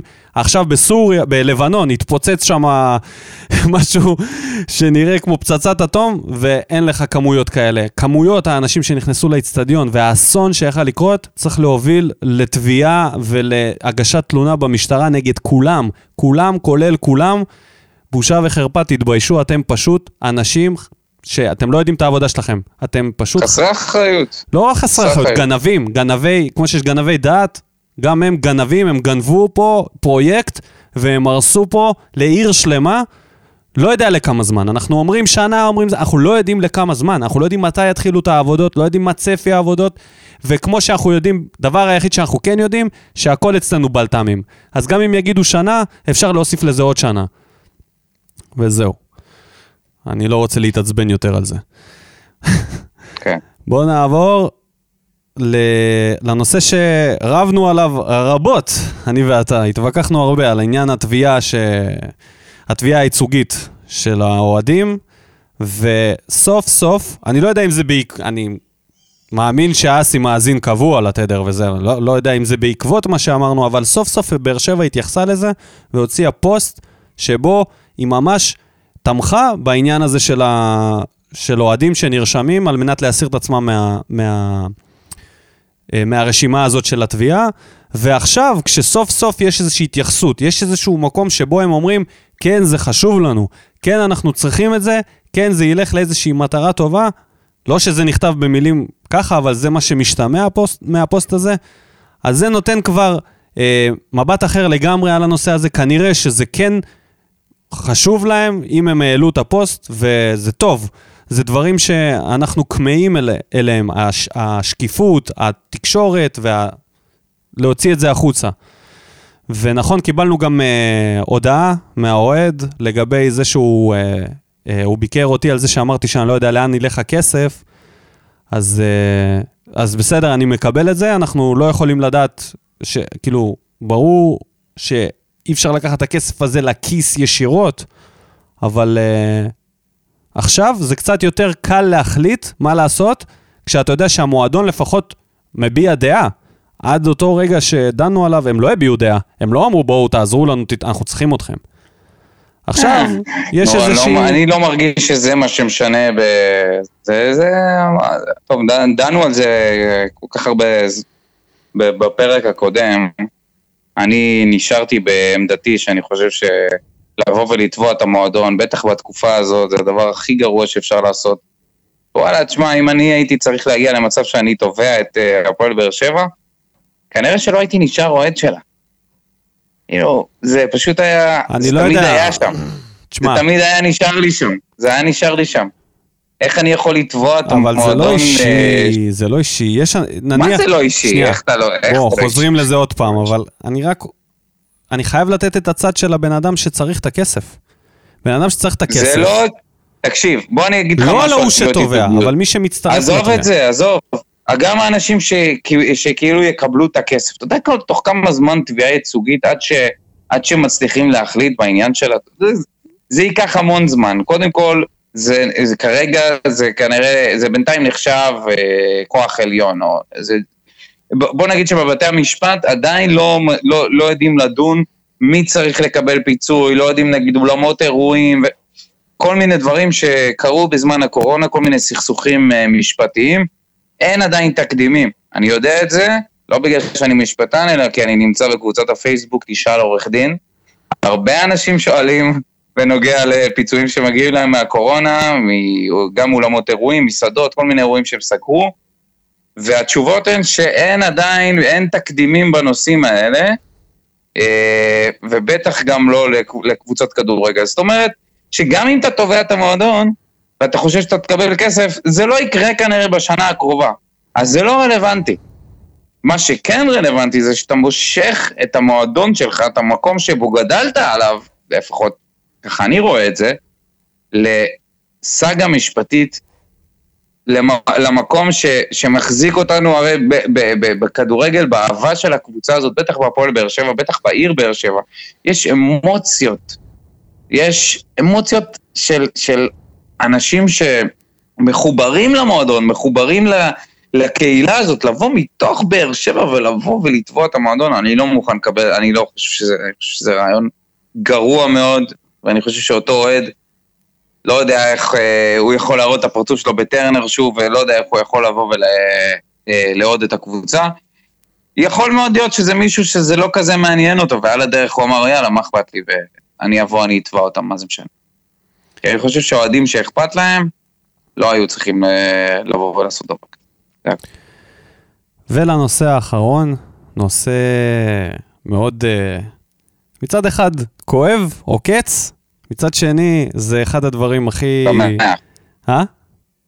משמח. שמח. משמח ומרגש. שמח, כן.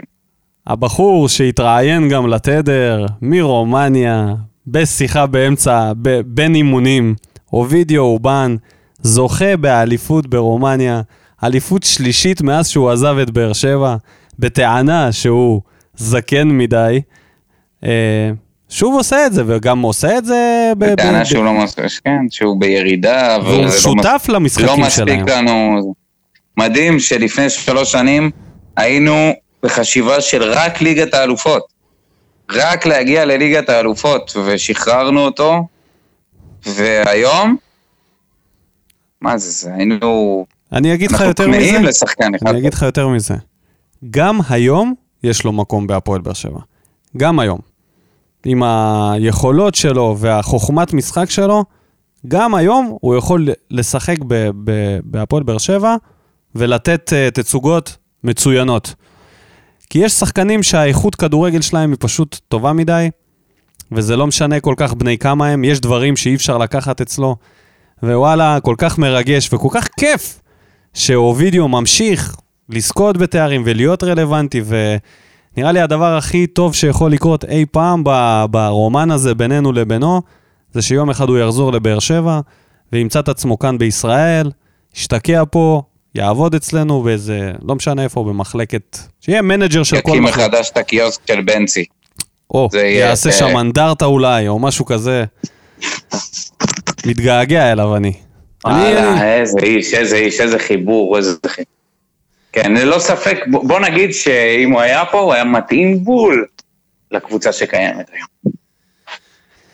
אה, דודו, אנחנו, עד שהפרק יעלה, זה כבר יהיה צמוד למשחק, ויכול להיות שאנשים יאזינו לזה פוסט אה, המשחק הראשון של אלוף האלופים.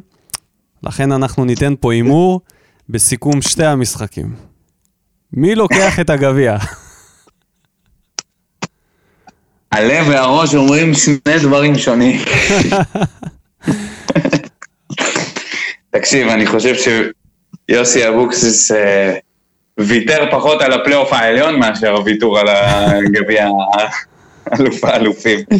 אה, אני מאמין שמכבי ייקחו, ואני אני שלם עם זה, אבל בוא נגיד שאם אנחנו נבוא וניתן איזה fight וניקח את זה, שני משחקים, נהדר.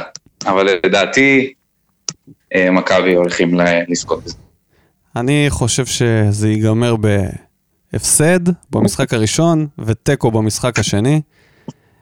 לצערנו באמת לא היה משחקי הכנה, ולמכבי היה משחקי הכנה והלך להם לא רע בכלל, למרות שנראה, הכובש המצטיין שלהם זה בלקמן, שהיה. מחוץ לתוכניות בעונה שעברה. אבל שוב, אה, מכונה משומנת בדרך אה, למשחק נגד מכונה שהיא... עוד מרכיבים אותה, עוד מסתכלים על ההוראות ההרכבה. כן, לגמרי. אבל גם השאלה היא כמה מכבי, אה, אתה יודע, בלי מאמן, מאמן חדש, יש שם הרבה שחקנים שרוצים לצאת לחו"ל, שלא ברור עתידם. דור פרץ נתן כבר עוד עונה, ונראה לי שהוא כבר אה, בעונה הבאה לא יהיה פה, אני לא בטוח לגבי גלאזר, גולסה עוד לא חתם. אה, אולי יונתן כהן יצא לחו"ל, יש שם הרבה שחקנים שהם בסימני שאלה, ואחרי אליפות, מה שיכול לקרות זה שהם פתאום יבואו כבר אה, שבעים. עוד לא ראיתי את השובע הזה במכבי. גם עם השובע, עדיין לא ראיתי אותם שבעים. זה עדיין לא יספיק קבוצה שעוד לא שיחקה ביחד. לא, בסדר, רוב הקבוצה כן שיחקה ביחד, יש שם כמה שחקנים שזה. בכל מקרה, נקווה לטוב, נאחל טוב, נזכיר למאזינים שלנו, למי שעוד לא ראה, לא ידע, לא שמע, שלא תגידו אחר כך. דגלים של גביע המדינה בעיצוב ייחודי ומטורף של כפיר פוקס עדיין נמצאים למכירה. כל מה שאתם צריכים לעשות זה להיכנס לעמוד שלנו, להירשם בטופס ההרשמה, למלט את כל הפרטים, ואנחנו נדאג להעביר לכם את זה. זה מוצר uh, ראשון שאנחנו מוכרים לכם, פיילוט למה שיקרה בעתיד, ויש דבר אחד חשוב שאני רוצה לציין, אנחנו נותנים 10% מכל uh, מכירה לתרומה לעמותת יחדיו, שמפעילה המון uh, הוסטלים וכל מיני uh, תוכניות לנוער בסיכון, אחת מהן היא קורת גג בבאר שבע, וזה נושא שהוא מאוד מאוד מאוד מדבר אליי אישית, ככה שעל הדרך אתם תרוויחו משהו, מוצר שאין כזה ולא יהיה כזה, וגם תעשו מעשה שיכול להיות שאין לכם את הזמן ואת היכולת לעשות אותו בעצמכם, ואנחנו נעשה את זה בשבילכם, ככה שתדעו שכל דגל שאתם קונים, אתם גם תורמים לנוער בסיכון, ו... ונוער שנמצא בדרום, ככה שזה מעשה שאתם יכולים להתגאות בו. Uh, עוד משהו, דודו, שאתה רוצה למסור uh, למאזינים שלנו לפני שאנחנו נפרדים? יצא פרק ארוך, לא תכננו. כן, זהו, אנחנו עכשיו uh, מתחילים עונה חדשה, מתרגשים. אפילו הפגרה שלי ושלך הייתה פגרה יחסית קצרה. Uh, uh, נביא הרבה הפתעות בעונה הקרובה. כן. נשפר את התכנים, נשדרג דברים, יהיה מעניין. אז uh, תודה רבה לכל המאזינים. תודה רבה לאנונימוס שנפרדנו מהם כבר בתחילת הפרק, שיהיה להם בהצלחה. אה, זהו, נתראה בפרק הבא. זה יהיה כבר אחרי, ה... אחרי תחילת המשחקים הרשמיים, ובטח ובטח יהיה לנו הרבה על מה לדבר. אז יאללה, ביי!